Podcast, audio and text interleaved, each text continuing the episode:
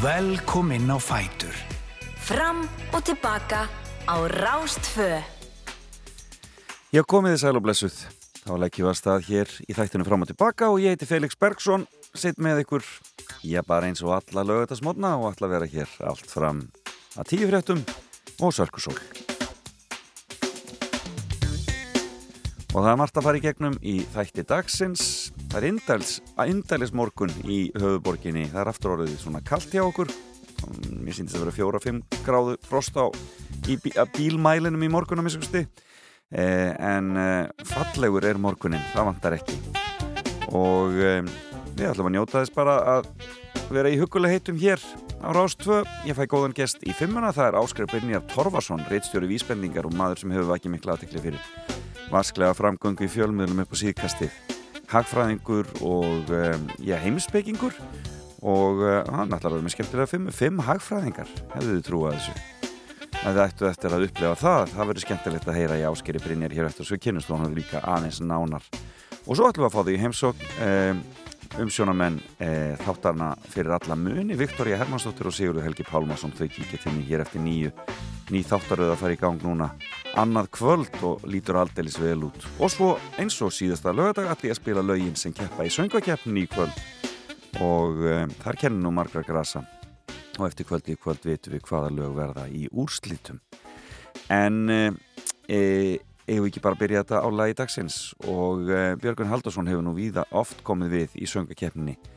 Uh, allt frá 1986 og flutt fjöldan allan á lögum. Hann kefti í henni frægu keppni ára 1990 einhver var að skrifa mér um daginn og segja mér hvað 1990 keppnin hefði verið skemmtileg og ég verð bara að taka undir það. Og þar mótti til dæmis heyra þetta lag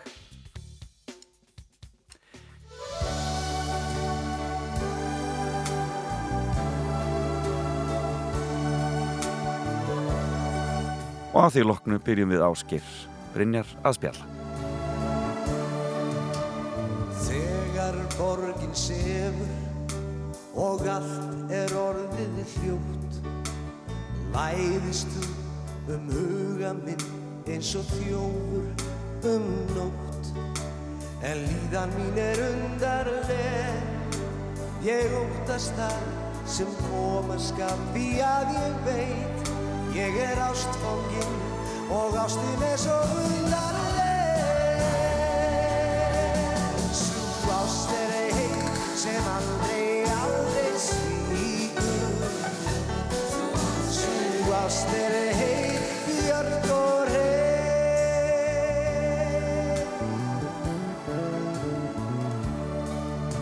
Ég sakna þín svo mikið meir en nokkur orð á að þú værir hjá mér nú. Elsku ástinn mín Að elska það er ævintýr Verðalag um ókunnland því að ég veit Þú býður mín og öllum mínum gefur líf. Svo ást er einn sem aldrei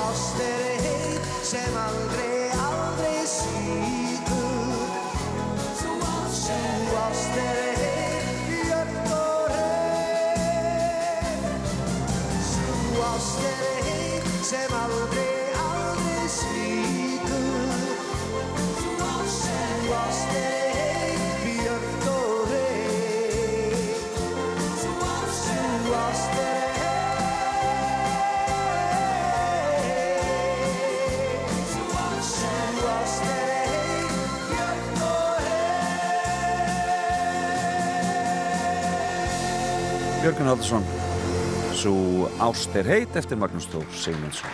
Og með það viðmælanda morgunsins. Velkomin, velkomin til okkar Ásker Brynjar Torfarsson, hérstanlega velkomin. Takk fyrir. Í fimmuna sem að verður uh, svo fyrsta í sinnar tegundar.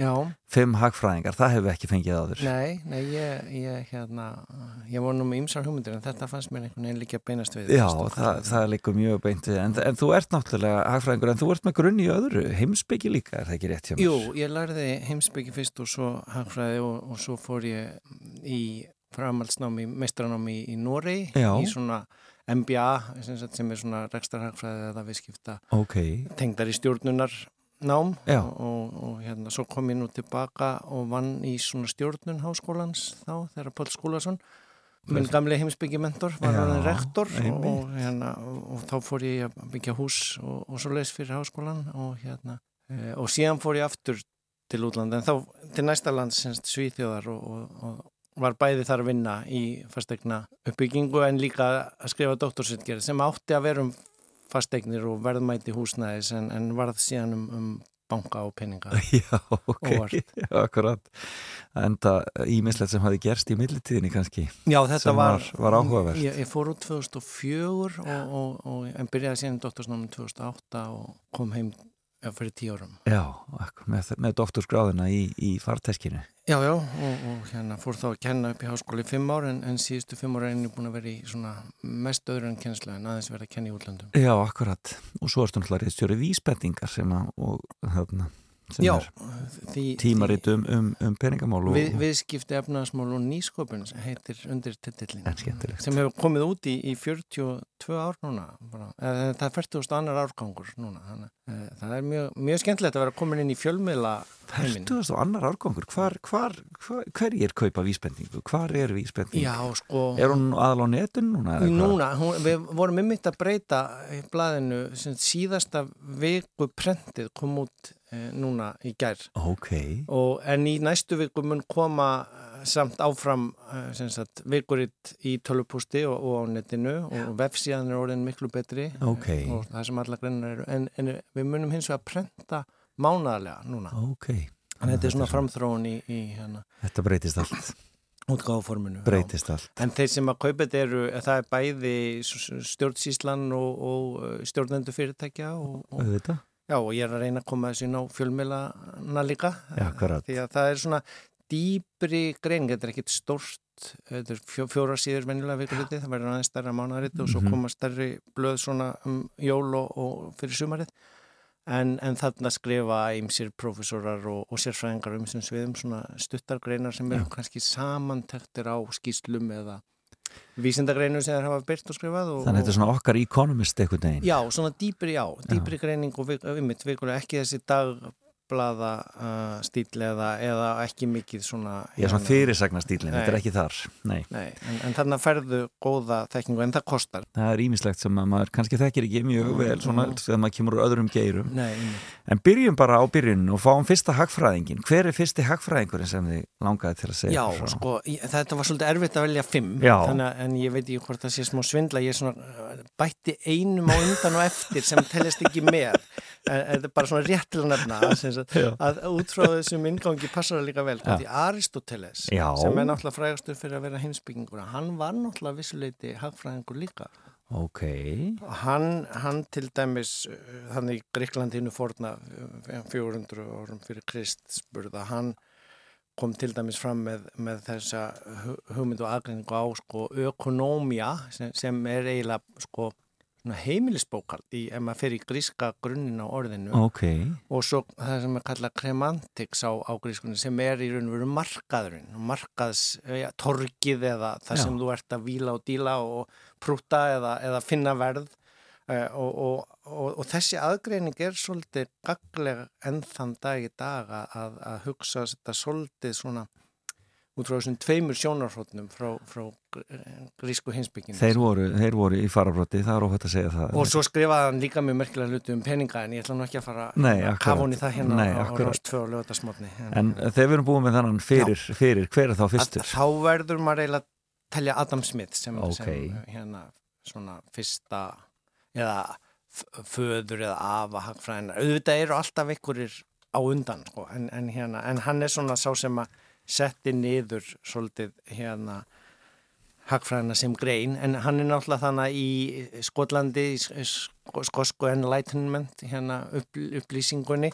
Og, og ég var svolítið hissa sko að það var ekki fyrir mun setna sem ég kom staði að Adam Smith var til dæmis mjög góð vinur David Humes Já. sem er frægur heimsbyggingur sem ég lærði um í heimsbygginni Já. og svo lærði ég um Adam Smith í hagfræðinni Einmitt. en ég lærði ekkit fyrir lungu setna þegar ég var sjálfur að lesa að þeir voru bara vinir og Hume hafi skrifað um hagfræð og verðbólku og í raun og veru er sko þó að almennt er sagt að merkastaritt Smith sé auðleg þjóðana en hann skrifaði aðra eiginlega sem ég held svolítið ennþá meira upp á enn merkari bók sem er heim, meira heimsbyggjubók eh, Moral Sentiments það sem hann er að fjalla um í raun og veru hérna síðlegu eh, já, hliða breytni eh, sko viðskiptana efnaðslífsins og stjórnmólana því þetta náttúrulega hangir allt saman og á þessum tíma var ekki búið að aðgreina fræðagreinar eins mikið upp og við höfum núna með sílónum Hann hann er hvað á 19. öldinni þá? Nei, 1700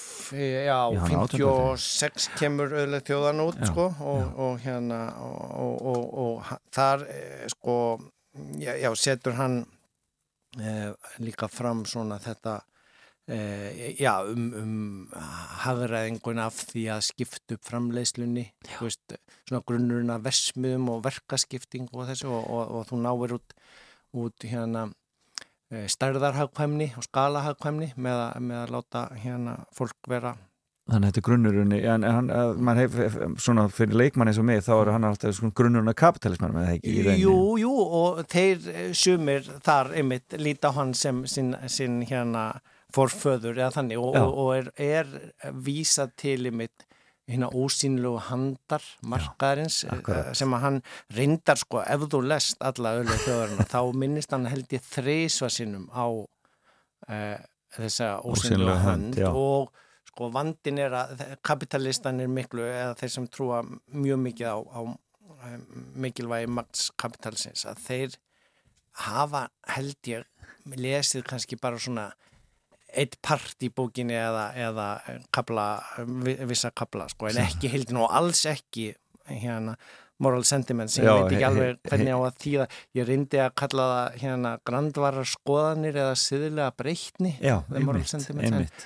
En, hérna en, en, en svo kenninga sem að þarf held ég að reyna svona að, að sjá hana aðeins víðara skilningi og reyndar einn, einn hagfræðingur sem ég er ekki með á listan sem ég var með komið annan sko fimm manna lista fyrir hagfræðir konur en, en Mariana Mazzucato sem er ekki á listan hjá mig, hún hefur eh, er mjög merkilur núlefandi hagfræðingur sem hefur ymmið dreyða fram að Adam Smith sko eh, þegar hann er að tala um ósýnilu höndina sem að hérna kapitalistanin líti á sem að markarinn er að sjá um allt og ákveða allt fyrir ykkur Akkurat. og að, að, að það sem að Smith er að meina þegar hann notur ósyninu höndina þá er það að, að markaðurinn eigi að vera sko frjáls frá því að uh, menn geti farið í svona uh, að ná sér í óeðlilegan hagnað Já, og rentsíking sem það kallar á ennsku og, og þannig skiptir máli yfir þá að moral sentiment sem þetta er síðlegu gröndvur skoðanir og síðlegu breytnin sem með þar að segja að, að þú kemst ekki upp með það að vera Uh, já, ofgráður eða of, og það er það sem hann er raun og verið að meina með, með hérna úrsynlega sko, Hvernig óskapur stendur á því þú ferð inn í þetta, inn í akademíun og svona, hafður alltaf sem græki áhuga á námi og Nei, sko, ég var nú bara svona halgjör tölvunörd í, í okay. skóla át á Nesi þegar sem ég holst upp og, og, og hérna mikið lego og eitthvað svona en, en En ég, jú, ég var alveg held ég ágættist nefandi í grunnskóla. Og voru fóröldraðinir akademikar? Nei, pappi minn er, er hérna skrifvilavirki mentaður sem okay. er nú eðungrein sem ekki lengur notuð til að gera við rittvilar en, en fór síðan að mamma er uh, íþróttakennari. Já, ok. Þannig að ég, ég bara, uh, já, kannski heldur flestar að ég myndi fyrir tölvufræði sem var nýtt fag þannig á. Einmitt, þessum, þessum, mjög heitt. Undir lók þessara síðustu aldar þegar tölvurna voru að koma á. Uh, en, en mér fannst einhvern veginn uh, snjallar að læra eitthvað annað en það sem ég var búin að vera að grúska svo mikið í. Ég skilði þig. Og, og það var nú bara hérna frendi minn úr sveitina því ég ólst nú upp á sumurinn í, í borgarfyrðinum og hann hérna hafði farið í heimsbyggin og ég svona eldi hans svolítið svona eins og hérna. Já, svona eins og aðdáðandi Já, ég kalla hann stundum svona óeiginlega stóra bröðum mín Já, akkurat. og, og, og, þa og það var náttúrulega bara algjör uppljómun að koma inn í háskólan og byrja að lesa heimsbyggi Já. En, en eh, ég hef síðan stundum sagt ástæðan fyrir ég leytist út í hagfræðin að ég hefði kannski bara átt að halda mig við heimsbyggin en, en það fór, var þannig ég fór eignast börn Já. og þá einhvern veginn fekk ég uh, þessa tilfinningu og ég þurfti að nú að læra eitthvað hagnýtara og, og þess vegna tók ég hagfræðina sem öllagrein en, sem er ekkit hagnýtar ekkit hagnýtar en heimsbygging Nei, ég held að heimsbygging sé alveg jafn hagnýtt Já, akkurat, þegar út í það er farið. Hvar í borgarfjörðinu varst í sveit?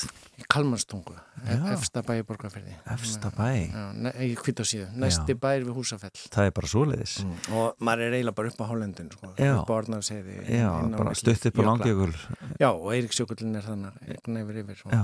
Ég smala ennþá Arnáfarsegin alltaf Já, og finnst gott að fara. Hvers vegna Já. fóstu þarna? Var fjölskyldaði? Já, móðursýsti mín var búndið þarna með, með Karlmanni búnda Ég bara var þar alveg þrjá mánu á sumri frá, frá 6 ára aldri til 16 ára. Það var bara soliðis Og bara tókst ekkit annað í mál en að fara? Nei, ég, þetta er eiginlega bara eins og manns annað heimili sko. Já, og, og, og, og það, það tógar í mann eitthvað fjöllinn og hérna. Uh, heiðinn og, og, og náttúran en, en, en ég, þar lærir maður líka ágætt sagfræði, sko, hagfræði bóndans svo ég vísi hann aftur í Aristoteles hún Emme. er náttúrulega þetta sem er orðið rosalega vinsalt núna í hagfræðin tala um sjálfbærni og við þurfum að breyta í raun og veru bæði kapitalismannum og, og þessum mainströms hagfræði kenningum í það að það gangi ekki eins og við erum búin að hafa okkur undanfarn ára tíu með hámörkun hagnar og að nýta náttúruna bara án þess að, að hugsa neitt um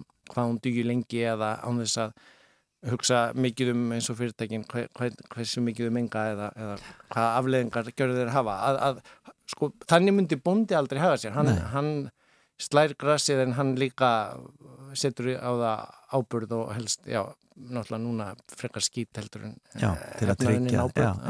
það er lífrænt og, og, og, og þú verður að hafa hæfilegt uh, já, ástand en ekki að, að ofnýta. Sko, við værum alltaf samt í sögfjörðbúskap ef, ef við værum að fylgja hagfræðin eða nokkuð? Nei, nei, sko þarna kemur það aftur sko, ekki ef við værum að fylgja svona mainströms ný frálsíkju hugmyndum um hámörkun hagnaðar Akkurat. en einhver leiti er þetta lífstíl held ég og einhver leiti er þetta að viðhalda menningararfleð og einhver leiti er þetta núna líka augljóslega orðið, sko, ekki bara fæðu öryggi, eins og við lærðum í COVID, ef það kom ekki hérna skip með, með fóður í, í hérna þessar hraðframleiðslu hámörkunar hérna dýrana sem sumir borða að, að, eða sko að þá, þá uh, sjáum við nú að þessi skeppna sem hefur lifað hérna, þó hún hafi nú kannski getið svolítið upp of mikið af landin okkar og haldið aftur af skóarvextinum að þá, þá get, höfum við getað að lifa af henni. En, en, en ég, ég er nú svo sem að minga kjöt átt og, og já, sjálfur, borða, borða hefur ekki borða fóðbæti stýrin en, en þetta, er, þetta er sko líka uh, ég sé alveg uh, fínan viðskiptamöguleika fyrir hæfilega söðfjörðátt á Íslandi þess að þetta er selt sem sko lífræn, vönduð, nánast villibráð, skilur, þetta eru dýr sem lifa upp á, á heiði og býta grasin er ekki verið að dæli í fóðbæti og síklarlifi um okkur hérna.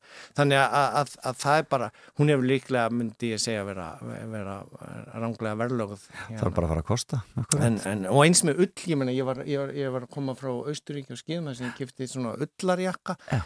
unnin úr uh, ull af uh, kindunum þar upp í hjálpunum veist, og, og, og þetta er eh, hérna rosalega hlýr og góð jakki og, hérna, og fólk tilbúið að borga fullt af penning fyrir. Já, það var bara á hefilegu verði líka veist, þeir eru ekkit að hámarkarna þeir eru bara að lifa að þannig upp í fjöllunum eh, þannig að þetta er svona held ég sko þróunin sem er að verða á mjög mörgum sviðum. Þegar við sjáum lofstafsbreytingarnar og plánetan okkar er bara ekki að bera þetta þessa uh, ofnislu sem við höfum, höfum lifað við undanfærin ár og, og, og þá er, fer svona pendullun kannski aðeins, aðeins tilbaka Þetta er mjög áhugavert allt saman mm. Hver er næsti hagfræðingur? Næsti hagfræðingur Við erum ennþá á nummið tvö Já, já, ég, ég hérna, þú voru að passa ég, ég, mér hættir til að tala eilítið og mikið, sko. Næsti er nú svona annar fadir hagfræðinar okay. nær okkur í tíma eh, John Maynard Keynes já. sem er svona, já, oft kallaði fadir nútíma hagfræðinar ef að maður kalla það sem svo. Og, og hann já, um hann væri náttúrulega hægt að hafa heilan langan þátt. Og hann var bæði hagfræðingur heimsbyggingur og svona statesman hvernig sem maður týði það.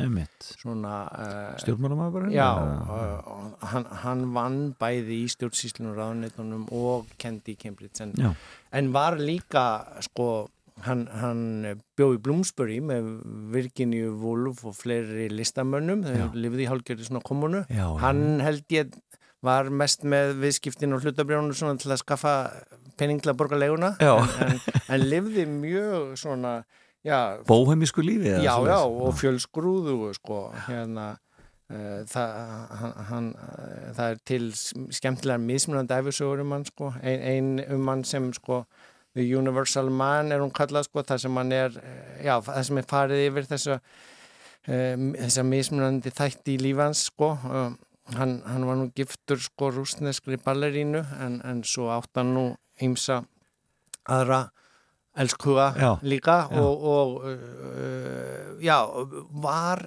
sko, já, svona bæði í menningarlífinu og síðan stjórnmálarlífinu og síðan bara undrabatn í hagfræðinni, ef maður má segja sem svo.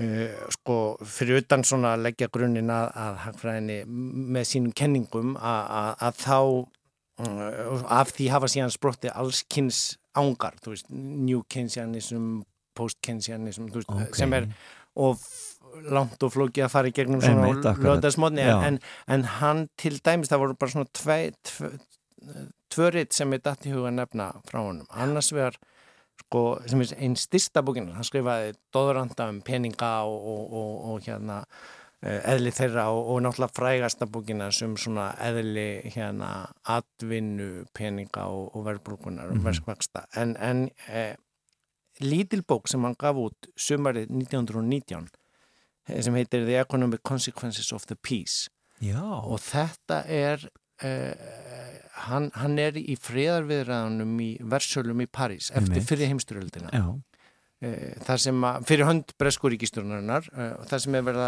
að semja um stríðskapætuna sem að þjóðverið er að borga, borga. Já, og hann segir þar að ef þið ætla að leggja svona mikla ánöð á svona háasegt á þjóðverðinu, láta það borga svona mikið, þá mun það búa til svo slæma sko, efnaðslega útreið í landinu að, að það mun hafa þær afleðingar að fólk sko, getur vartlifað af eða býr við svo slæman kost að það er hægt á að upprýsi sko, já, hvað sem maður ákallaða populisma eða, eða bara mjög, mjög hættuleg, þetta er mjög hættuleg leikur og hann verður svo reyður þegar þeir ætla samt að halda þessu til streitu Já.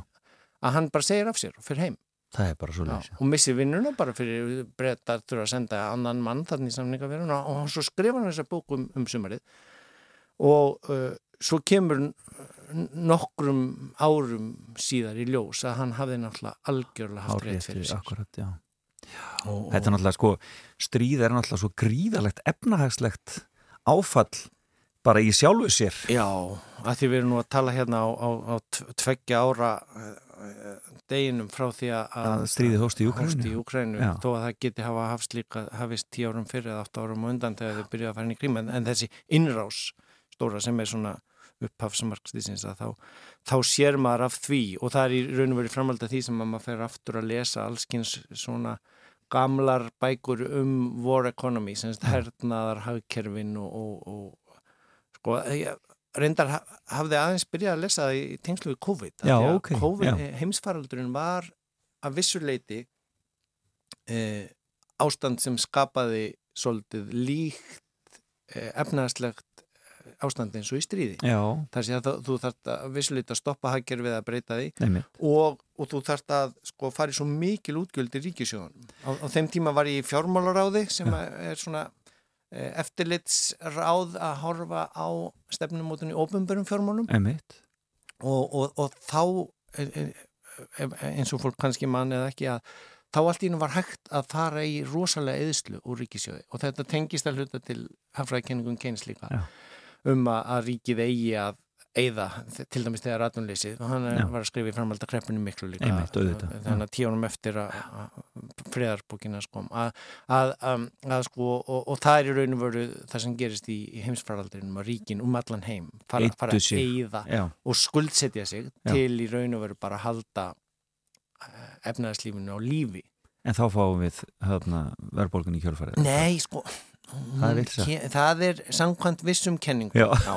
En, en við sem erum nú svona tr- trúir Keynes og, og, og, og svona post-Keynesistar Já. eh, sko verðbólgan hún kom ekki um allan heim fyrir en eftir innrásin hófst í Úkraínu, og oljuverði fór upp og já, fór upp og e, sko, en auðvitað getur verðbólga komið ef að ríkin fara eða ómiklum penning en Nákvæmlega. í COVID í heimsvældin, þú stoppar hagkerfið og, og fyrirtækin hefur annars öll farið á hausin Já, já. að, að það sem ríki skuldsettist til var, var að halda sjó, halda efnaðislífun og floti Já. og það í sjálfu sér býr ekki til uh, verðbólguna. En það hefnaðist líka. Já, já, menn, menn höfðu lært af bæði kreppinu miklu og fjármálarsunni 2008 og Það er rosalega gaman að sjá þig tala um þessar hluti. Þú verður, þú, þú, þú, þú, lýsist allir upp.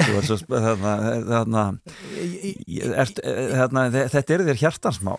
Já og sko ég hef eh, eh, að því þú spurðir á hann hvernig ég leitist út í þetta sko, ég meina ég, ég ætlaði að skrifa reitgerðum um þú veist hús og, en, eh, byrja, mér tókst ekki að byrja dóttursnáminn 2004 af því ég fekk ekki fjármögnun og fór þá að vinna fyrir bara amerískan fastegnarsjóð sem ég læriði heilmikið af í, í raunveruleikanum. En svo byrja ég eh, sagt, segja upp þar um vorið og 2008 og byrja síðan 1. september 2008 í dóttursnámi og tveim vikun setna fellur Lehmannbankin Já. og þá var stofnunin sem ég var að vinna hjá sem var svona þverfælega rannsóknarstofnun til hliða við viðskipta áskolan í Gautaborga að nýbyrjuð með banka rannsóknarverkefni, þau hefur fengið stónan styrk þannig ég var bara svona dregin yfir í það Og, og það verður doktorsritgerinn. Já, sko ég skri- skrifa reyndar lísensiadritgerð um langtíma fjárfestingarnir í fastegnunum sem ég var búin að fá tveggjára styrk fyrir en, en samlega er ég náttúrulega bara fylgjast með þessu, akkurat. uh, þessu hruni og náttúrulega var ekki hér á landi þannig ég horfði á það utanfrá og þetta er náttúrulega umbróta tímar sem breyta hagfræðinni mjög mikið og þá fer maður að lesa söguna líka. Og svo í raun og veru, já, eh, er ég í fjármálaráðum, ofnbjörn fjármál og þegar að heimsfaraldurinn kemur og þá fer maður líka, það eru umbróta tíma sem breyta heimsögunni annað. Og, og svo, já, svo kemur þetta stríðsástand núna, sko, sem er að líka að um, umbreyta þannig að, að þetta er, já, ég, þetta er ég, Þetta er bara magnaði tímar. já, þe þeir eru það og, En þú tegnast börnin á þessum tíma líka, hvað, hvað, hvað áttu að börnum? Já, ég á, tvo krakka, eitt strák og eina stelpu, þau eru nú orðin 26 og 7 Já, þannig að þau fæðast á, 7, á svona undir, undir aldamótin. Já, rétt fyrir aldamót og, hérna, og, og svo er ég eitt barnabarn. Og eru þau að elda þig inn í, inn í heimsbyggi eða, eða hagfræði? Nei, nei, nei, þau hafa nú vita á að fara eitthvað annað Já. Svo, Svonni minn er, er, er búin að vera að læra starffræði Ok. bæ- hérna, Bæði hér í, og svo í mastersnámi Frakland og núni klára eh, á næsta ári doktorsnámi í starffræði í Kaupmannöfn Vá. Og dóttir mín er á, á síðast árunni í læknisfræði Ok. okay. En þau hafa... Tengdadóttir mín líka, nýjórið útskrifu Já, þannig að þetta er, þetta er menta fólk en þau hafa náttúrulega kynst í þá að búa erlendis og, Já, já, og, og, finnst það við vorum næstuði áratug í Svíþjóð Já. og vorum bara eitt ár í Noregi af því að Ok. þá er mitt, sko, í Noregi þegar ég er að klára að þá er eh, minikrísa sem allir eru búin að gleyma eh, hérna tæknibólan sem sprakk ég byrja í MBA-náminu já, já. 2000 þegar öll fyrirtæki eru á uppsöflu og uppleið og heimurinn alveg bara eh, blómstrandi og svo þegar ég útskrifast um vorið 2001 að þá er bara teknibólan sprungin, það verður að segja upp 20.000 verkfræðinga og virkstafræðinga í, í hérna Skandinavíu Já, og náttúrulega í bandaríkjónum og þannig ég bara, við fluttum aftur heim og, og, og hérna ég eh, fer í einhverja svona ofinbæra stjórnsýslu í stjórn, háskólanum Já. eh, þegar ég ætlaði að fara að verða einhver hérna fórstjóri með flotta MBA-prófum mitt þegar hérna, þá var nú ekki byrjað að kenna MBA-nám hér á landi Heyrðu, einn hagfræðingur í viðbót árum við tökum okkur smá pásu. Já. Hver er svo þriði? Það ymmit passar ótrúlega vel að hérna að því að það var eiginlega merkilegsta bókin sem ég las í, í náminu í, í hérna Nóri sem var nú bara svona auka bók og það var svisnesku bekkjabráðum sem sagði áskil þú ætti að lesa þessa bók. Og hérna hún heitir Manias Panics and Crashes fjallar um hérna sögu fjármálakrísa uh, manjur hérna panik og, og hrun uh, veit ekki, of, oflátungs Já, hérna, háttur. ógnir og, og, og hrun en, hrun en, en, en þetta er bók eftir hérna hagfræðing sem heitir Charles Kindleberger okay. og svo var uh, hún reyndar uppfærð og ég átti þarna úti sjöttu útgáðun og nú er hún komin í held í fjórstund útgáð og, og, og Aliber, annar hagfræðprofessor hefur uppfærtan eftir að Charlie Doe. En, og hann kom nú hér í, í, Silvrið á, á, á hrun árunum en, en, en núna nýjast útgáðun er með 20-30 síðum um, um, um Ísland og fjármálarhrunni hér Hvenar er hann að skrifa þessa bók, þessi hún, Charles Kindleberg? Hún, hún, sko, er, hann skrifa hann uppáflega þegar hann hættir að þarf að fara á eftirlaun of snemma úr, úr skólanum vegna spartnaðar uh, og skrifa hann raun og verið svona fyrir almenning sko, til að útskýra fjármálarkrísur og fer yfir bara sögun alveg frá þú veist, tulipannabólunni 1600 eitthvað í Amsterdam þegar að þú gast kift, þú veist, fjólbláan tulipannalauka og, og meira heldur en hérna heil húsaröð í Amsterdamborg sko, og, og, og, og þú veist, fer bara í gegnum allra sögu fjármála-krísa og hérna og náttúrulega nýjasta bókin er komið með Lehmann og fleira af þeim. En, en sko þarna var bóla þegar ég er að lesta á hlutabriðamarkaðinu 2000 og öll teknifyrirtæki áttu að hérna leysa allan vanda átt að fara að gera allt á netinu. Svo tók það nokkur ári viðbót þar til við gotum farið að vestla og svona. En, en, en, e, og þetta er að vissleiti eðli bóla líka þegar að, að, að það fer offjárfist í einhverju. En þannig kemst teknik fram þróun áfram. Já, en einhverju er náttúrulega að tapa eða byrja að tapið að því að því þannig, þannig verða finningarnar hérna fjármagnar eða þá í tengslu við stríðis og hernaða tróun, það fer líka mjög mikil peningur í svoleiðis trónastarf en, en, en, en þetta var ég hafði þetta held ég áhrif á mig að því að svo sínur alltaf um vorið á hlutabriðamörskoðunum það verður ekki svona efnarsrun eins og 2008 en, en, en fyrir okkur þannig úr, úr í MBA eða í, í, í svona fjármálagerunum að þá var þetta mjög stór atbyrður og, og þá var svo gott að hafa lesið Kindlebergar hérna, og skil, geta skilið þetta manjur grísur og hrun sko. ég held nú ef hún hefði verið skildulesning í, í viðskiptafræði deildónum í öllum skólunum hér á landi sem kenna þetta uh, þarna um 2000 og allavega þá eftir 2001 þá hefði kannski viðbræði verið aðeins öðruvísi en, en, en, en sko Kindlebergar skrifaði svona fullt öðrum bókum það lærði ég setna á og það er nýjút komin svona æfisa um, um, um mann, eða Open Iverson um hugmyndasjónas en, en hann, hann, hann skrifaði um trónarhagfræði hann skrifaði, hann, og hann vann fyrir sko hið eh, ofinberðar leinþjónustan í stríðinu þannig að hann var svona óveinlegur hagfræðingur eins og kannski þessir hinnir sem ég er búin að lýsa líka. Að hann var alltaf að skoða raunveruleikan og reyna að skilja hvað er gerast og, og gera kenningar og tilgátur út frá því en ekki, já, en ekki einföld uh, starfræði líkun sem reikn út hámarsagnað eða, eða eina réttaverð og, og svo er eitthvað að þegar að veruleikin hefðast ekki samkvæmt líkununum sko. þannig að þess vegna held ég uh, mjög mikið upp á Kindlebergar. Það var sannlegt. En þú heldur líka upp á Benna Hemmem, sagður mér. Já, ég var bara á tónleikum í sístu viku og hjá honum í Tjarnabí og Kvennakornum sem Já. að ég hafi nú hlustað á svona syngja nokkur lög áður, ég þekki nokkur að ég sem kór og, og hérna það, það, ég er að spila þetta líka núna fyrir Sonarsson minn. Þetta er skemmtileg hérna tónlist fyrir held ég alla haldursópa og lag heitir Ljósi, við skulum hlusta það og svo höldum við áskrifinir Torvarsson áfram að spjalla um hagfræðinga Ég vaknaði með þig í eirunum Ég þorði ekki að veikja ljósi Röndin heyrði skýrt og orðin á orðin Ég vildi ekki veikja ljósi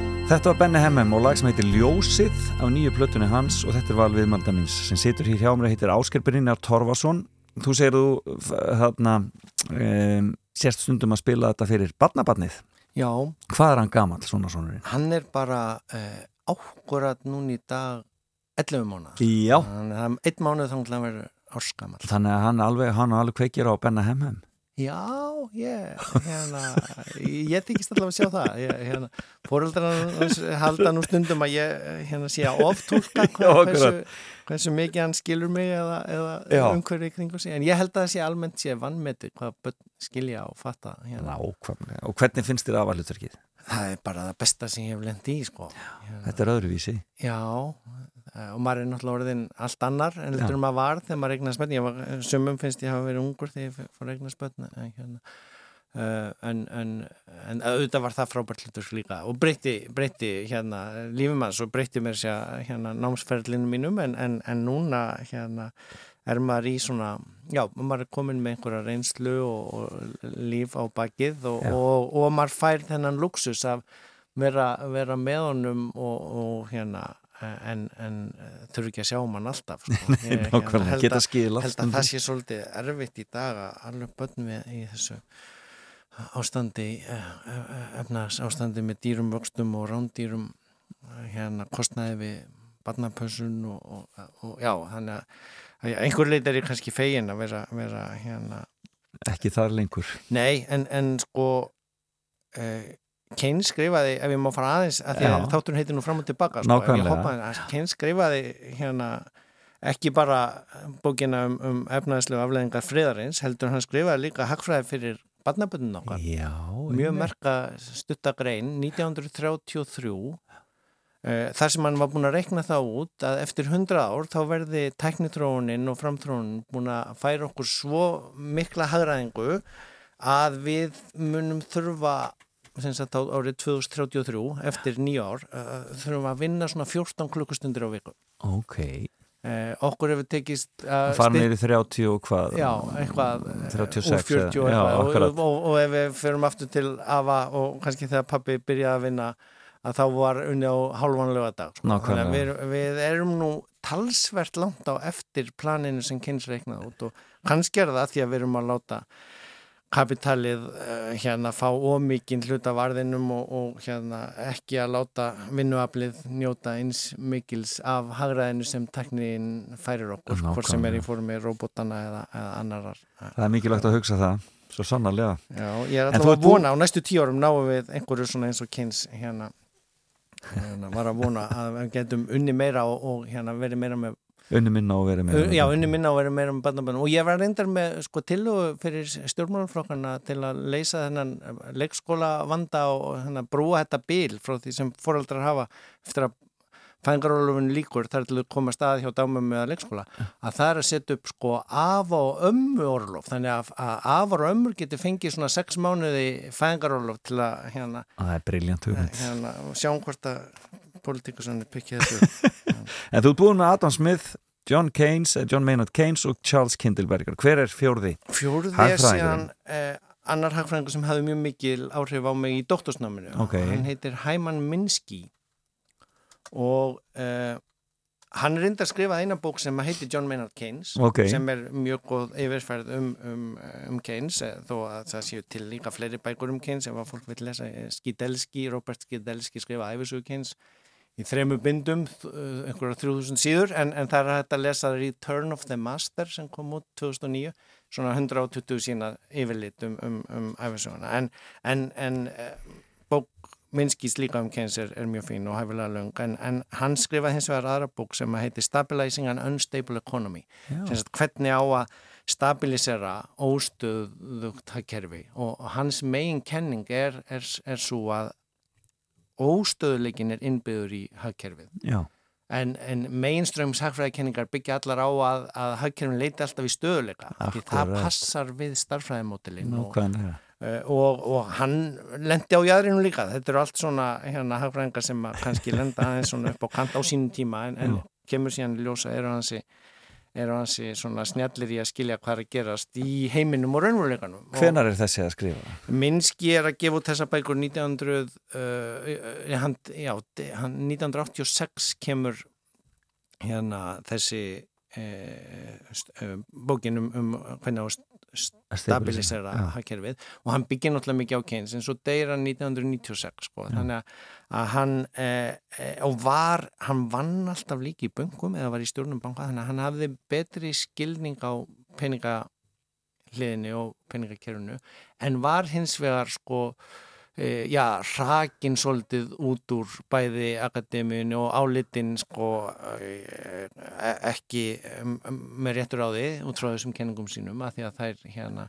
stemdu ekki við svona það sem mainströmmurum vildi. En, en ég sem sagt hafði aldrei hirt um hann í hagfræðináminu mínu uh, fyrir en ég byrjaði dóttorsnáminu og þá gefur einn á komlu profesorunum mér bók sem var nýjútkominn sem var bók sem var doktorsritgerð eftir an, annan kvennhagfræðing sem er að finna fimm kvennhagfræðingarlistanum mínum uh, Anastasíu Nesvetlikófi uh, og, og, og, og þá bara lærði ég um, um Minski af hennar bók um hann. Og síðan varðan rosalega vinsæl þarna haustið 2008 Já. þegar fjármálurinn kemur og Krugman Nobelsvöldun hafi skrifar blogg í New York Times um The Night We All Read Minsky again, að því að hann í raun og veru var sá sem eh, sko, skrifaði grein 1989 Can it happen again mun það geta gerst aftur? Og Hagfræðin var alveg samfærið með um að þetta gæti ekki neitt eins og kreppan mikla eða fjármárhund gerst aftur og, og það var bara púa á menn sem reyndu að halda því fram en, en svo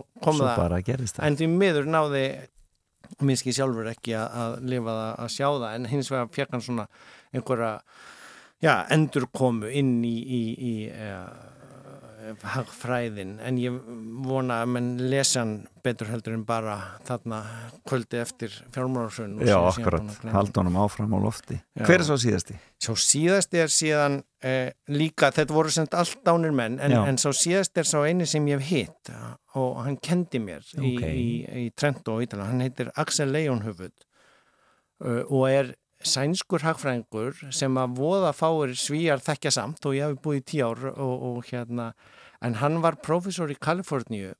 Eiginlega allt sitt líf og hann, hann kom nú hingað held ég allavega tvísvar til Íslands og, og held erind upp í, í hérna Sælubanka og upp í háskóla. En svo dó hann um, bara fyrir uh, já, einu og hálf ári síðan En hvað var hans jésu? Hvað var hans? Sko hann skrifaði til dæmis eh, doktorsritgerð 1968 On Keynesian Economics and the Economic of Keynes eh, og A Study of Monetary Theory. Þannig að hann í raun og veru í doktorsnáminu sínu breytti skilningnum sem var viðtekinn á Hagfræði Keynes Já.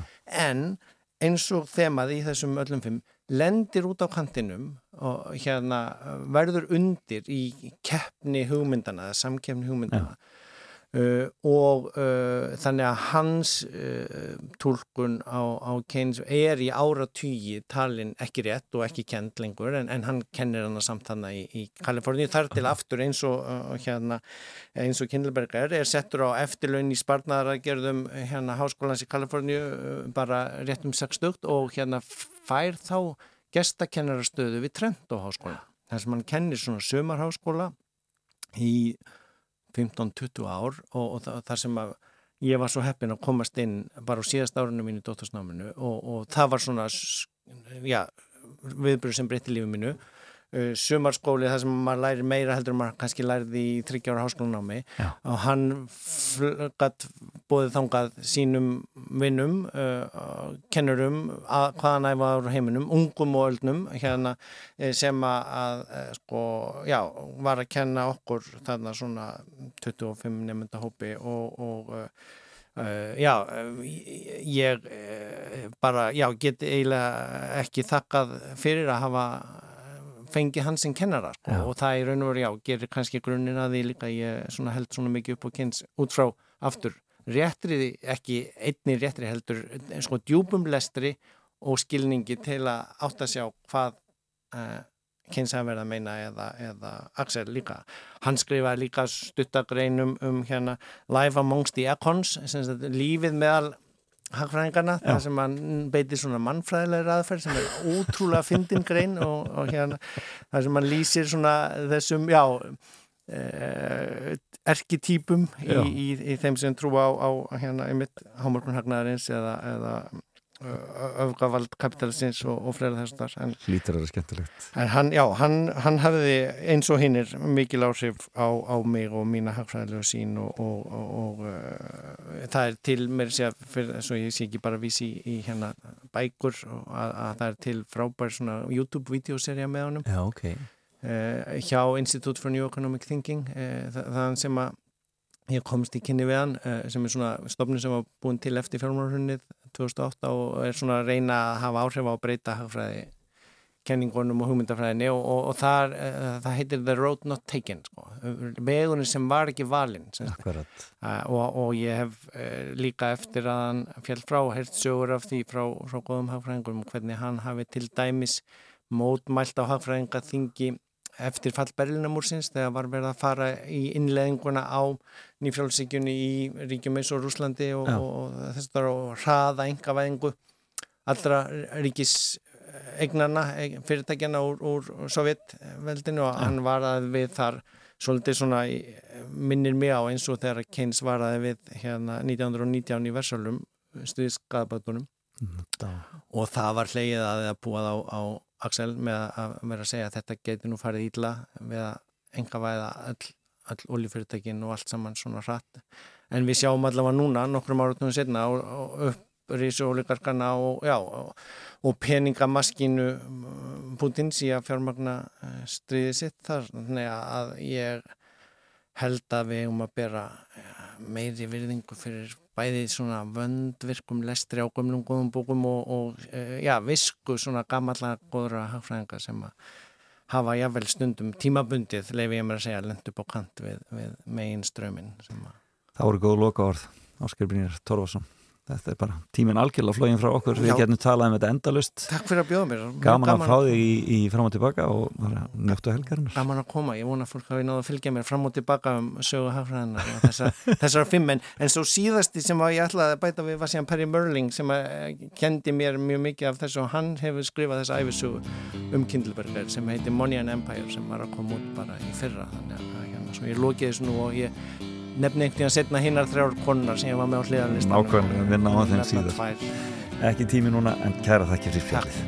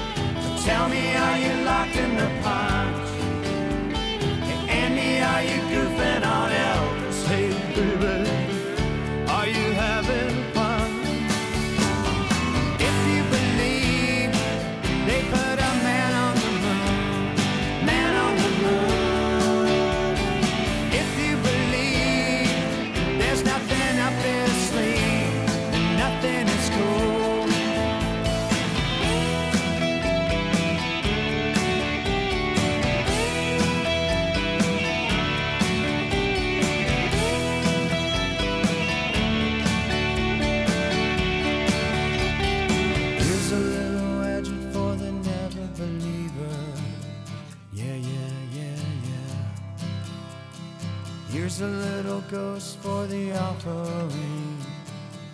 Yeah, yeah, yeah, yeah. Here's a truck stop instead.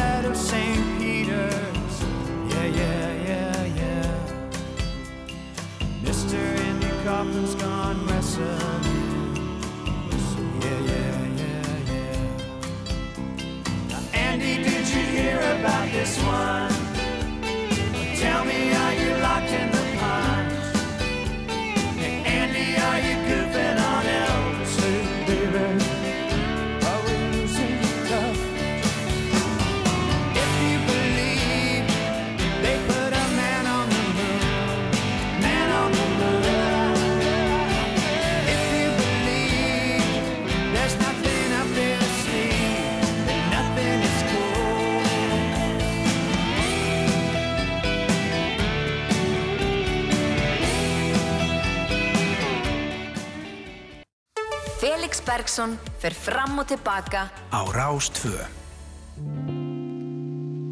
This view used to bring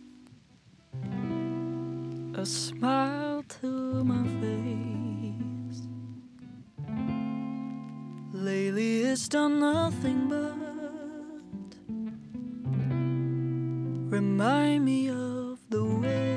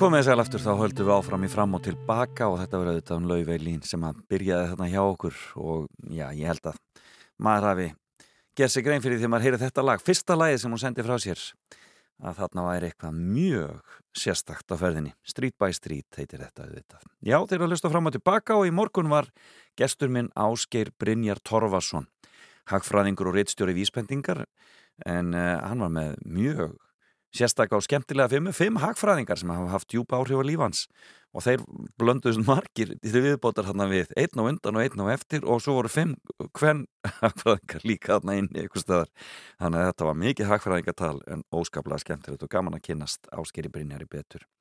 Náttúrulega mikið í fjölmiðlum hjá okkur e, þessa dagana til að ræða hagfræðilega málefni.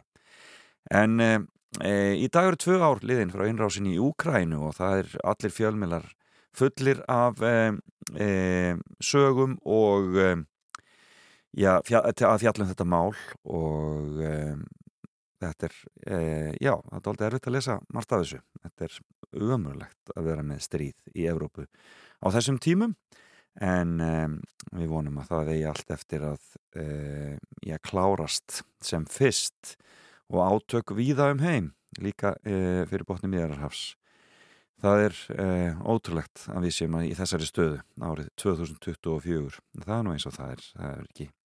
Því ráðum við ekki almenni borgarar en treystum á eh, hérna háu herra að fara nú að, að hætta þessum morðum og drápum og öllu saman.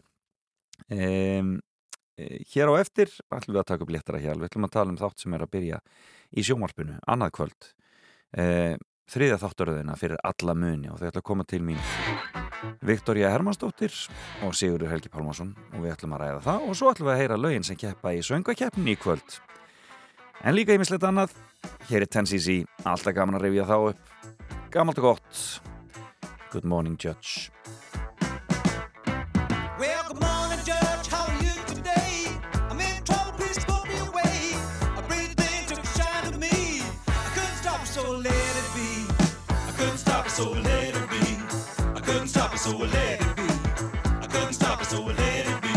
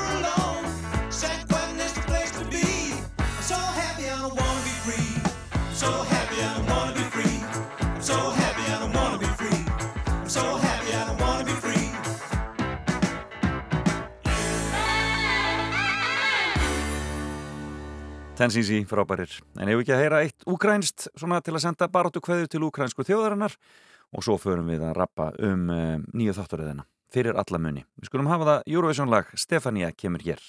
Góðan daginn Ísland Felix Bergson fer fram og tilbaka á Rástvö.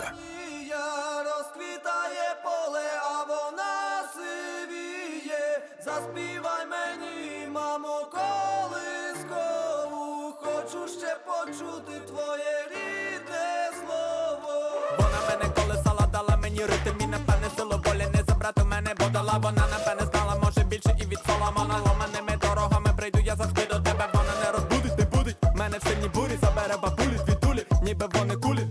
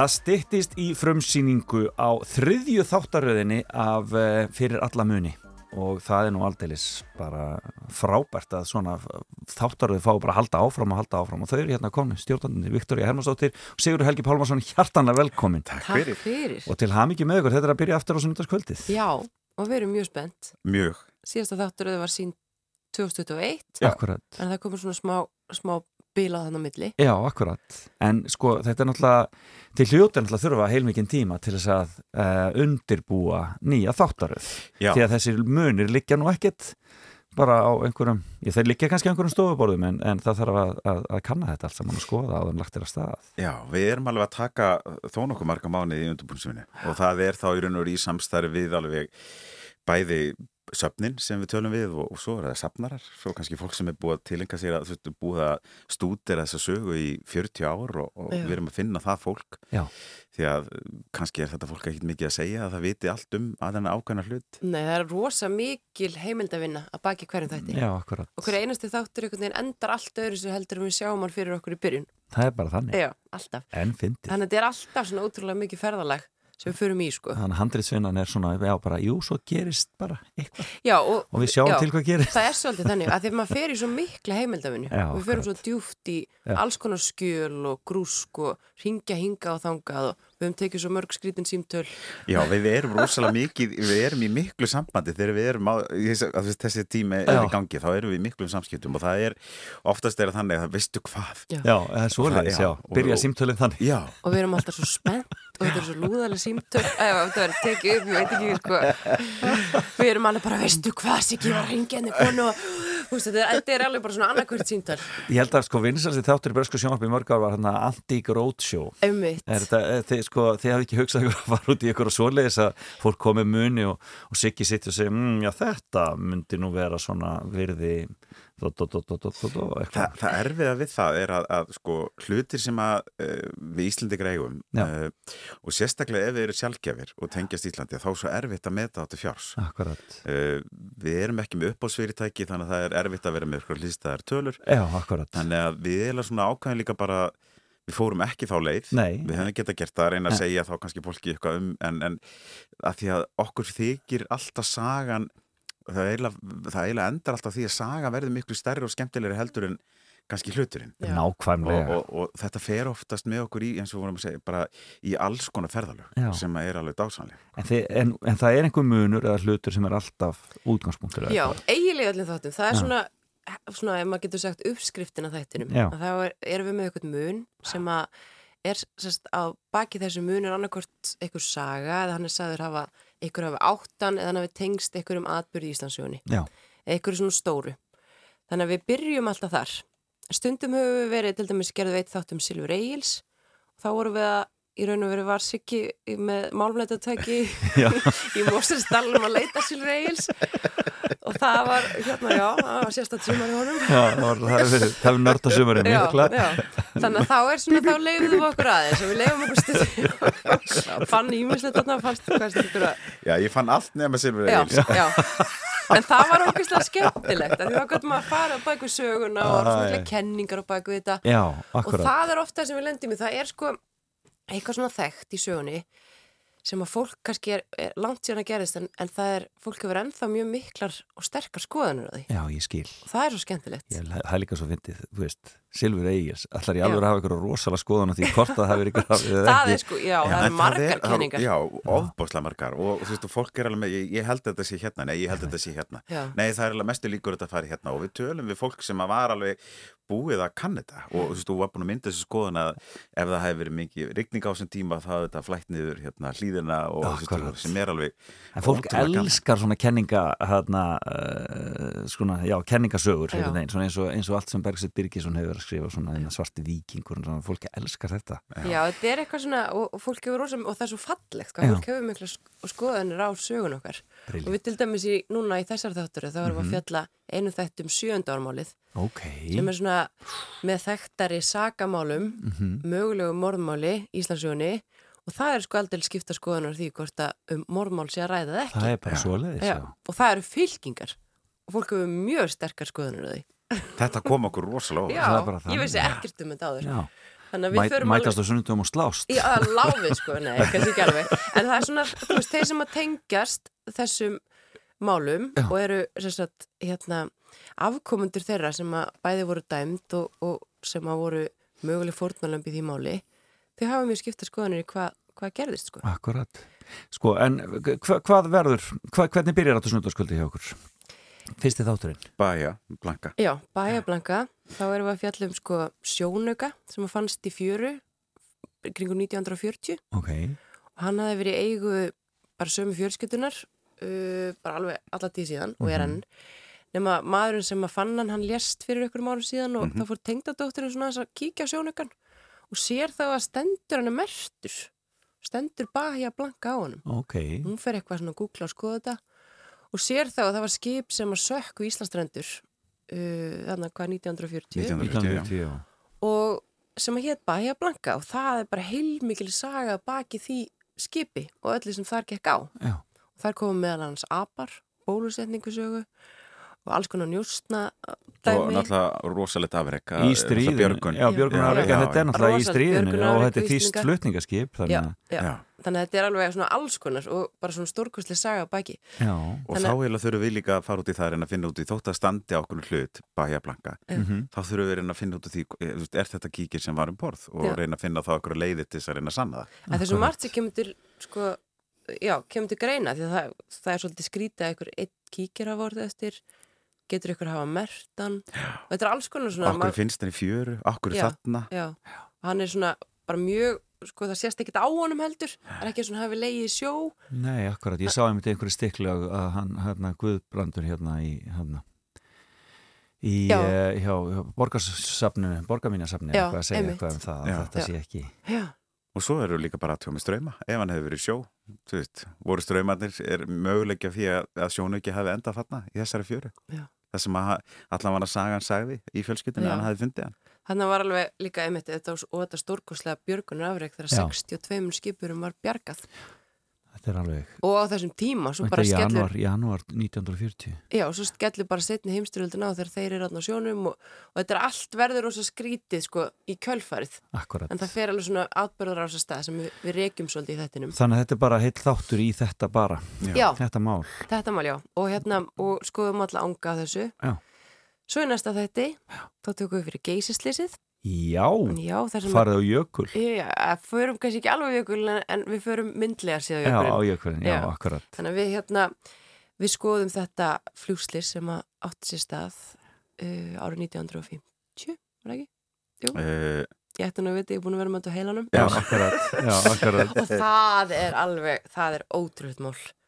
Og við, við fáum alltaf svona sikkur málun á heilan sko, En ég fekk alveg þrá ekki fyrir þessu. Já, og við, sérst, við fengum ábyrtingu um botlastel sem átti að hafa komið, úr, komið heilt úr, úr já. En við heldum að þetta væri eitthvað smá svo mættum við heim til fólksins sem að hafi keift þetta sérst að keift þetta af konu sem átti að hafa keift þetta uppbúði og við komum heim til þar og það er bara risastótt borstofubor fullt af postulíni.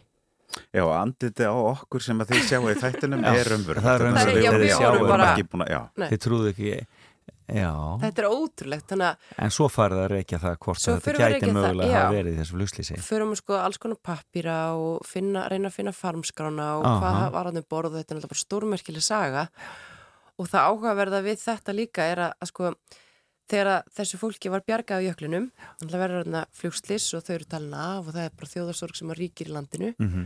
svo kemur neyða kalla fymta degi og uh, það er farið í björgunarleðungu til þess að bjarga þeim og ég ætla nú að gera ekki hann allan hér. Nei, en uh, þá sko fór myndatökum aðu með þannig að þetta er myndefni sem er allt til. Nákvæmlega, neymitt það er ótrúlega að sjá þetta allt. Ótrúlega flott. Þetta ég hlakka mikið til að sjá Þetta er magnað. Eh, og hérna, já hvernig finnum maður farmskrá úr flugvél frá 1950 þjóðskælisafni. Já, það tala um er þjóðskjalasafn, þar. Já. já. og við erum svo það er bara- góðu samstarfi við mikið af sérfræðingum sem við erum náttúrulega bara mynda vináttu sambund við og það er svo mikið frábæri fólki að vinna Já, sem að þek þekkir svo bara ótrúlega ánga sko sögunar hér og þar. Já. og svo taka þau svo vel á móti okkur og eru svo, og þau, og, og, þau eiginlega að því áhugi okkar er eiginlega oftast áhugin sem er á söfnunum. Þetta er fólk sem hefur þessa ástríðu Akkurat, og þeim finnst svo gaman og hefur alltaf finnist gaman þegar við komum og spurjum og, og þeir eigða alveg sko sakalegum tíma er en að finna fyrir okkur og, hérna, og aðstofa okkur við að finna ákveðin skjöl já, og, hérna, og alltaf er þetta jafn skemmtilegt. Já. Og þið byrjaðu sundarskvöldi klukkum verða bara sagt til fréttir eða? Ég held að það sé 2015 Já. Já, Já. Já. Þannig, að, þá, þá rennið af stað. Já, fólk getur bara að byrja að hitta sig upp og horfa á gamla þætti og og svo náttúrulega er hægt að komast inn á ef- ef þú veist, það, það er hópur uh, inn á Facebook Já. fyrir alla muni og Já. það er, við, það er kannski, já, gott að segja fyrir því að því við erum með, með fyrir alla muni hóp og þar setjum við oft, við fáum svo mikið ábendingum eftir þætti, einmitt. Þar setjum við oft inn sko, alls konar, við höfum verið að fá kannski muni sem að tengjast í sem að fjallum og, og alls konar sögur og stundum breytist mér þess að bara niðurstaðan sem við höfum komið stað eftir þátt. Frábært. Spennandi, spennandi, lakka mikið til að sjá Sigurður og Viktoria kærar þakkir fyrir komuna og til hamingju með fyrir alla muni. Takk, Takk fyrir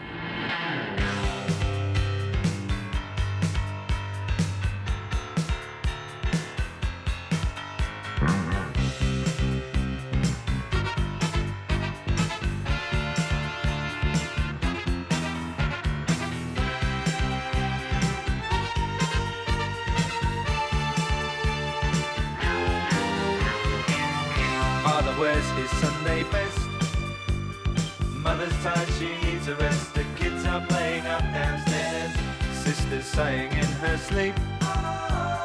Brother's got a date to keep, he can't hang around. Our house in the middle of our street. Our house in the middle of our our house. It has a crowd. There's always something happening, and it's usually quite loud. Our mum, she's so house proud. Nothing ever slows her down, and a mess is not allowed.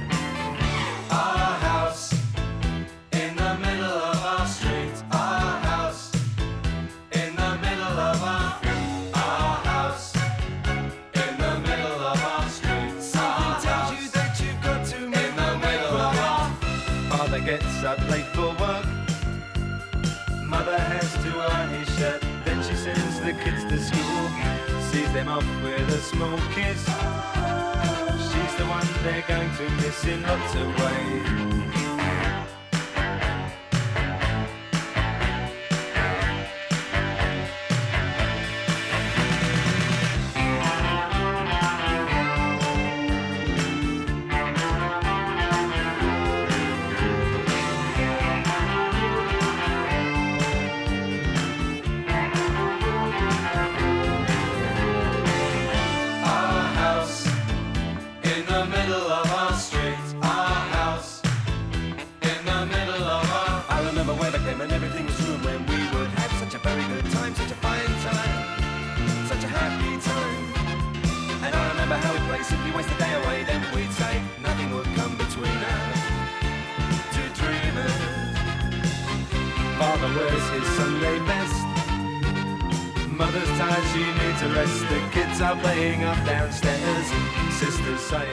Árhás er það og þetta lag er spilað fyrir leikstjóra þáttana sem heitir Lalli Jónsson og um, já, ég verð mjög spenntur að sjá fyrir alla muni sem fara af stað í sjónvarpun okkar annað kvöld. En ég sá líka frábæran söngleiki gerðkvöldi, eitru lík til pilla frumsýnd í borgarleikusunu og ég bara get ekki mælt nósanlega með þessu. Frábær síning þar sem að ýmsir leikarar fara á kostum. Kannski Jóhanna Vítis Arnardóttir þar fremst í flokki, hann eða Hansa. Þetta verður oftar að verða algjörsmellur held ég. Og það er tónlist Alanis Morissette sem er þar undir. Ef við gerum upp eitt gammalt og gott. Hér er Ironic.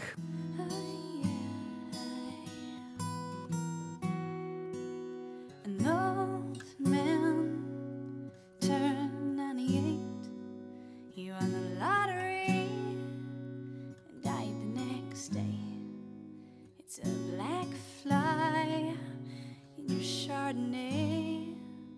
It's a death row.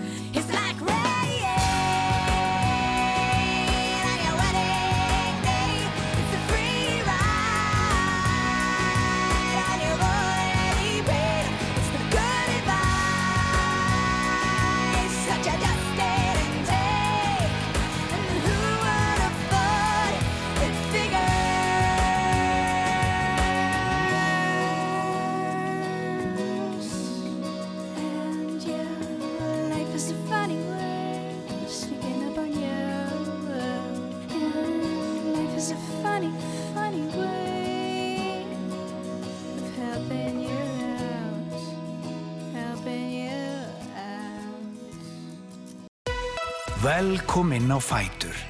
Fram og tilbaka á Rástfö. Já, velkomin á Fætur og þá ætlum við að fara að líta á laugin sem keppa í söngvakeppninni í kvöld og það er sem þetta setni undanústa riðillin.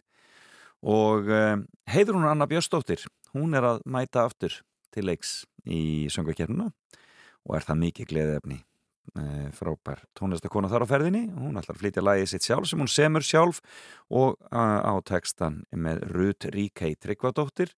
E, lagið heitir Þjakaður af ást og ef við ekki bara hefja leik? Hér er Heiðrún Anna sem verður á sviðinu í kvöld. Við sitjum hérna bæði og horfumst í augu. Minningarnar streyma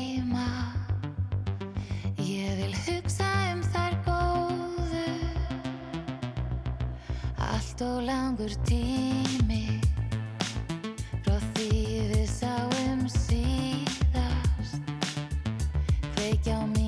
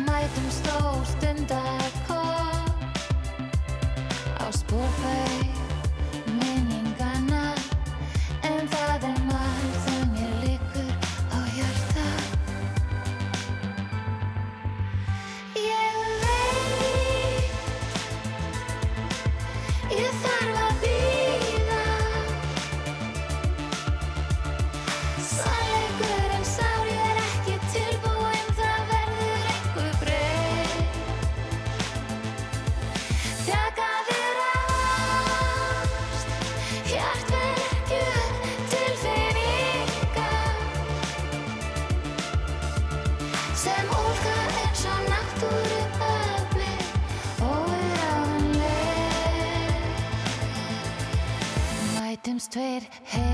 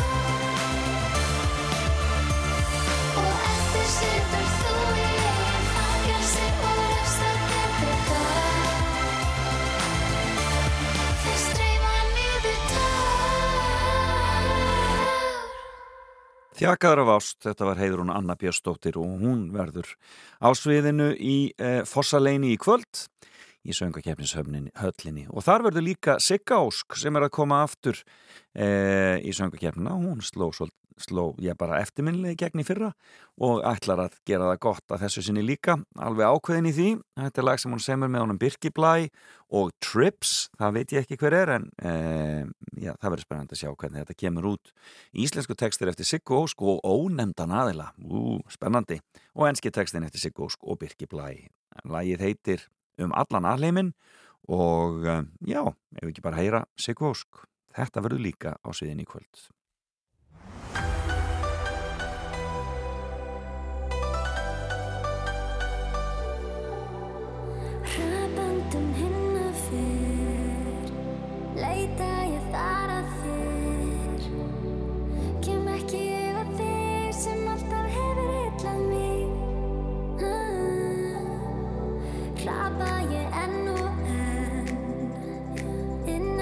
enn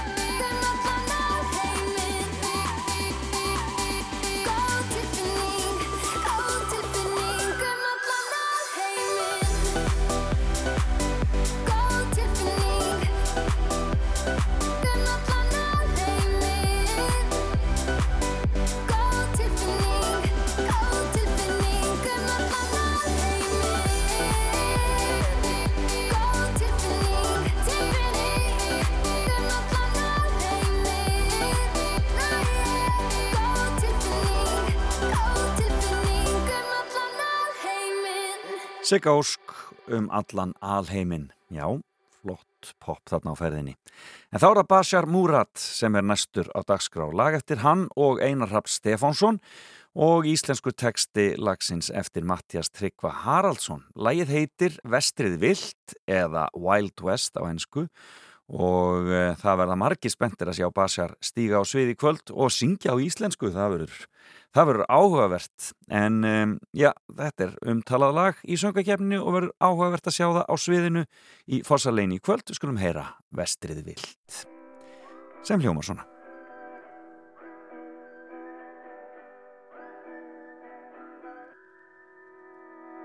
Erinn á ferðinni á sömu bylginni Veit ei hvert skal haldið í leita hamingunni Er grjót sem veldur fram Get aldrei staði kyrr. Þegar þú verður bitur Vil gera betur Þarf að breyta til. Hendi mér upp á veginn Svo syng ég þína skál. Dómar hendur, dómir vassar En í hjarta mínu brennur bál.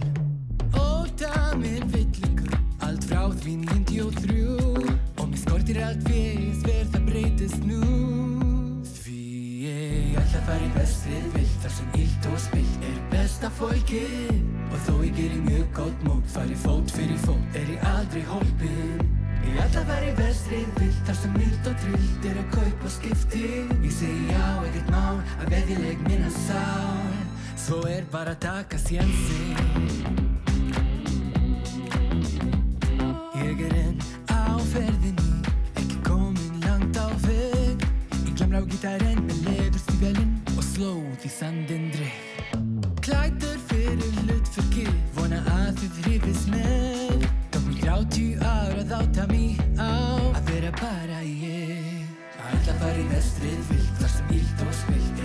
besta fólkið. Og þó ég gerir mjög gótt mót Fari fót fyrir fót er ég aldrei hólpinn Að ætla að fara í vestrið vilt Þar sem ílt og trillt eru kaup og skipti.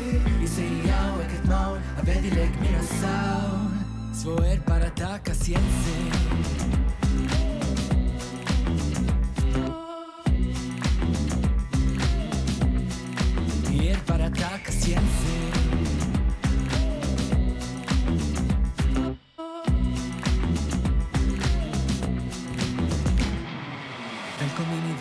vilt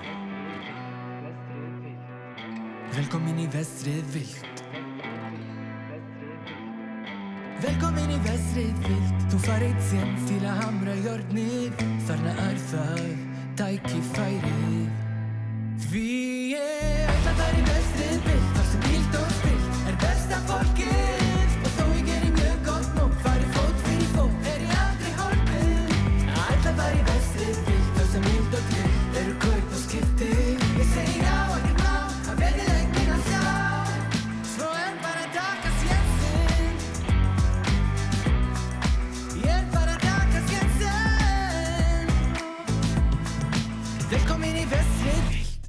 Þannig hljómaði það, vestrið vilt er það og eh, já, verður á sviðin í kvöld og þar verður líka Hera Björk. Ha, hún hefur nú komið við sögu áður í söngakeppninni og margir gleðjast að sjá hana koma aftur. En þetta lag er eftir Ástís Maríu Viðarstóttur eh, sem við þekkjum vel og er búin að vera að gera það svo gott í Þýskalandi. Hún var nú einu sinni gestur minn hér í fram og tilbaka en eh, Ástís Maríu semur lagið á samt þeim Michael Burek, Jaro Ómar og Ferras Al-Kaisi og um, e, þau eiga líka enska tekstan en íslenska tekstan á Ástís Marja sjálf. Lægið heitir Við förum hærra og hér er dífupopp eins og það gerist best frá Herubjörg.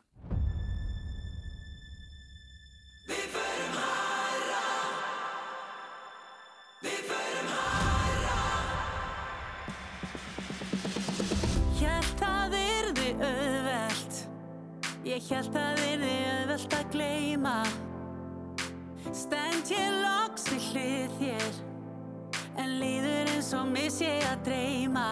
Ekki líta niður. Og haltu í mig fast. Segðu mér að ástokkar sé himna smiður. Sem liftir okkur alla leið. Við förum hærra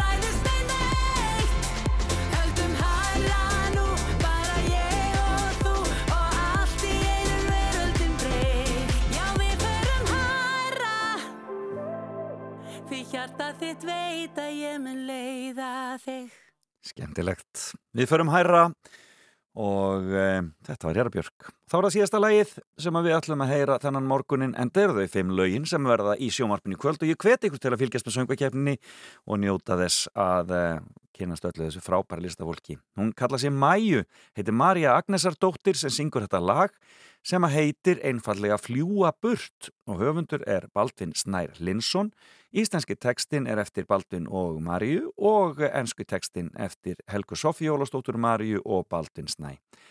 Ef ekki að heyra fljúa burt og svo bara hveti ykkur til þess að skell ykkur í það að horfa á sjónarbyggju kvöld, söngvakeppnin, þetta verður, þetta verður eitthvað.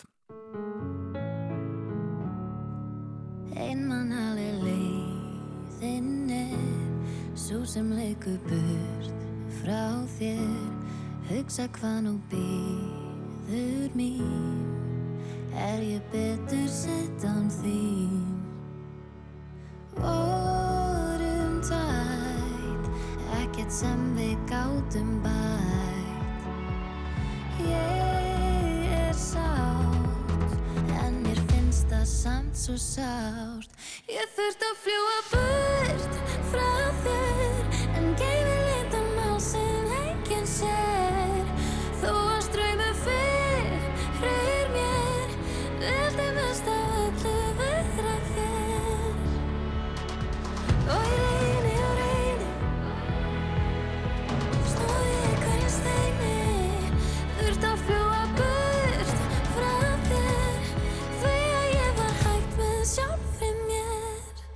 Gleymi aldrei göldrunu Ara grúa minningum Mynd þú hugsa hlýtt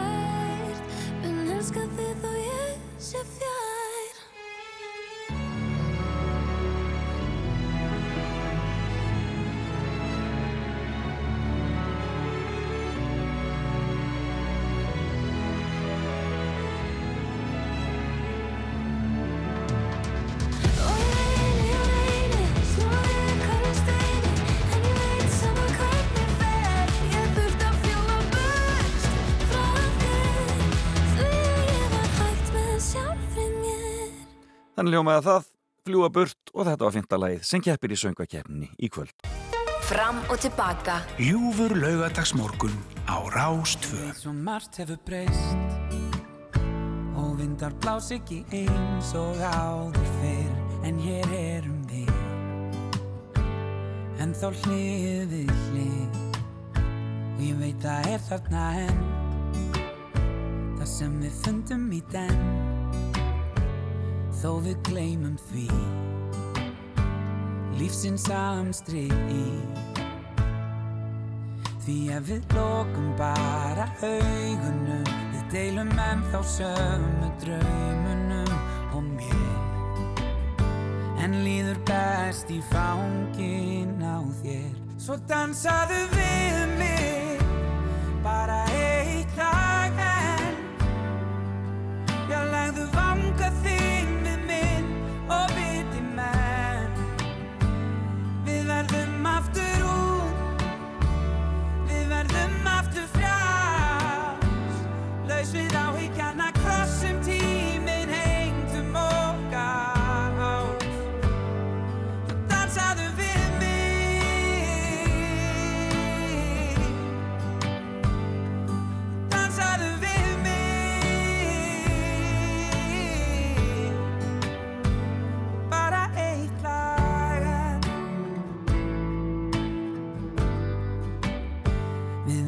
eftir svo margt. Og séð og gert og ósagt en hugsum ekki um það. Og njótum dagsins í dag. Því ef að lokum einhver spyrði mig hvort ég hafa átt líf sem ég var sáttur við þá ég veit ég myndi segja honum ég hafði allt það sem ég dreymdi um leið alltaf best í fangin á þér. Svo dansaðu við mig bara einn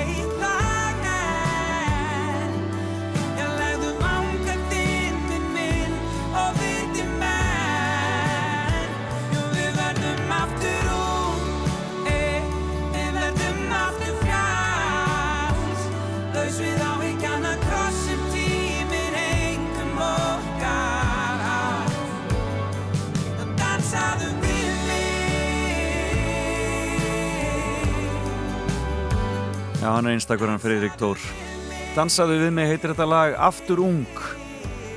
Alveg meiri áttar. Þetta er búið hjá mér í dag, ég þakka gestum mínum í dag. Áskar Brynjar Torfason var hér í morgun í fimmunni og svo var það Viktoria Hermannsdóttir og Sigurður Helgi Pálmason og spiluðu við lögin í söngakeppninni í kvöld. Ég hvet ykkur til að fylgjast með. Ég verð hér aftur eftir viku á mínum stað. Fer ekki neitt. Takk fyrir samfélgina, endum þetta með Seastone, Rakel og Jóa P. Seastone alltaf sló í gegn í söngakeppninu í síðustu helgi Þetta er svona stæsti smellunum hans. Og uh, heyrumst aftur eftir viku. Bless, bless. Kaldur gustur en ég tek honum með opnum örmum. Og einnig hugsunum um þig fyrringur kýtla mig. Því með þér þá vefst mér tunga milli tanna. En mér er alveg sama því að þetta er eitthvað annað. Ég vil læra nýja hlutum með þér drepa stundum með þér. Fá nýjan litið lífið leysa þrautum sækjum aftur berskuna rifjum upp dagana og skrifum sína sögum Tímum tíma, tíma þarf ekki að eiga sér stað. Tíma, tíma þarf ekki að hugsa til svar. Tíma, tíma þarf ekki að eiga sér stað. Tíma, tíma þarf ekki að hugsa til svar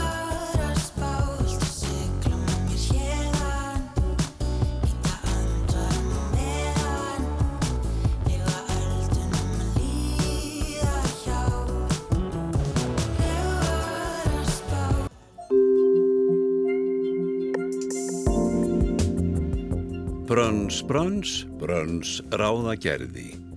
Nýtt og lækka verð á bit 8 og 3, verð 6.490.000, konto og reynsluaktu, vatt, skeifunni 17. Ný sending, ný sending af buksum, skirtum, jökkum og jakkafötum, vestlun Guðsteins. Romantíkin er í rökkrinu, jarðbuðin við mývatn.